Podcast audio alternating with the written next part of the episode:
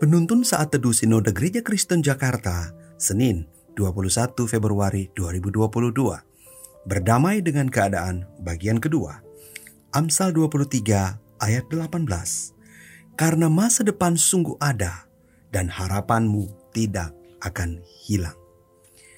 Ada beberapa hal dalam hidup ini yang bisa kita ubah. Misalnya mengubah model rumah yang bergaya klasik menjadi gaya minimalis mengubah model rambut yang lurus panjang menjadi keriting dan pendek, mengubah pola makan yang banyak berkarbohidrat menjadi sayuran dan buah-buahan.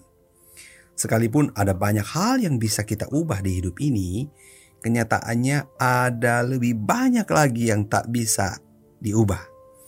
Misalnya, kita tidak bisa mengubah waktu dan tempat kelahiran kita, keluarga yang membesarkan kita, dan resiko yang terjadi akibat mengambil keputusan yang salah.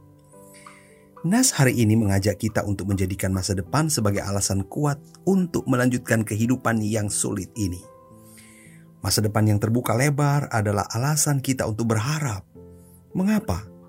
Karena Kristus telah mengalahkan maut, sehingga harapan orang percaya tidak akan sia-sia. Dalam Kristus, kita percaya bahwa ada hari esok yang penuh harapan. Kita tidak dapat mengubah dan melakukan sesuatu yang berarti untuk semua yang sudah terjadi pada hari kemarin. Namun kita bisa mengatasinya dengan cara berdamai dengan semua peristiwa yang telah terjadi di hidup ini.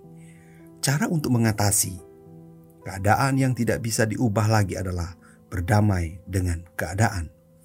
Jangan terus-terusan menyesali sesuatu yang sudah terjadi. Coba kalau saya tidak menikah dengannya, hidup tentu tak akan begini.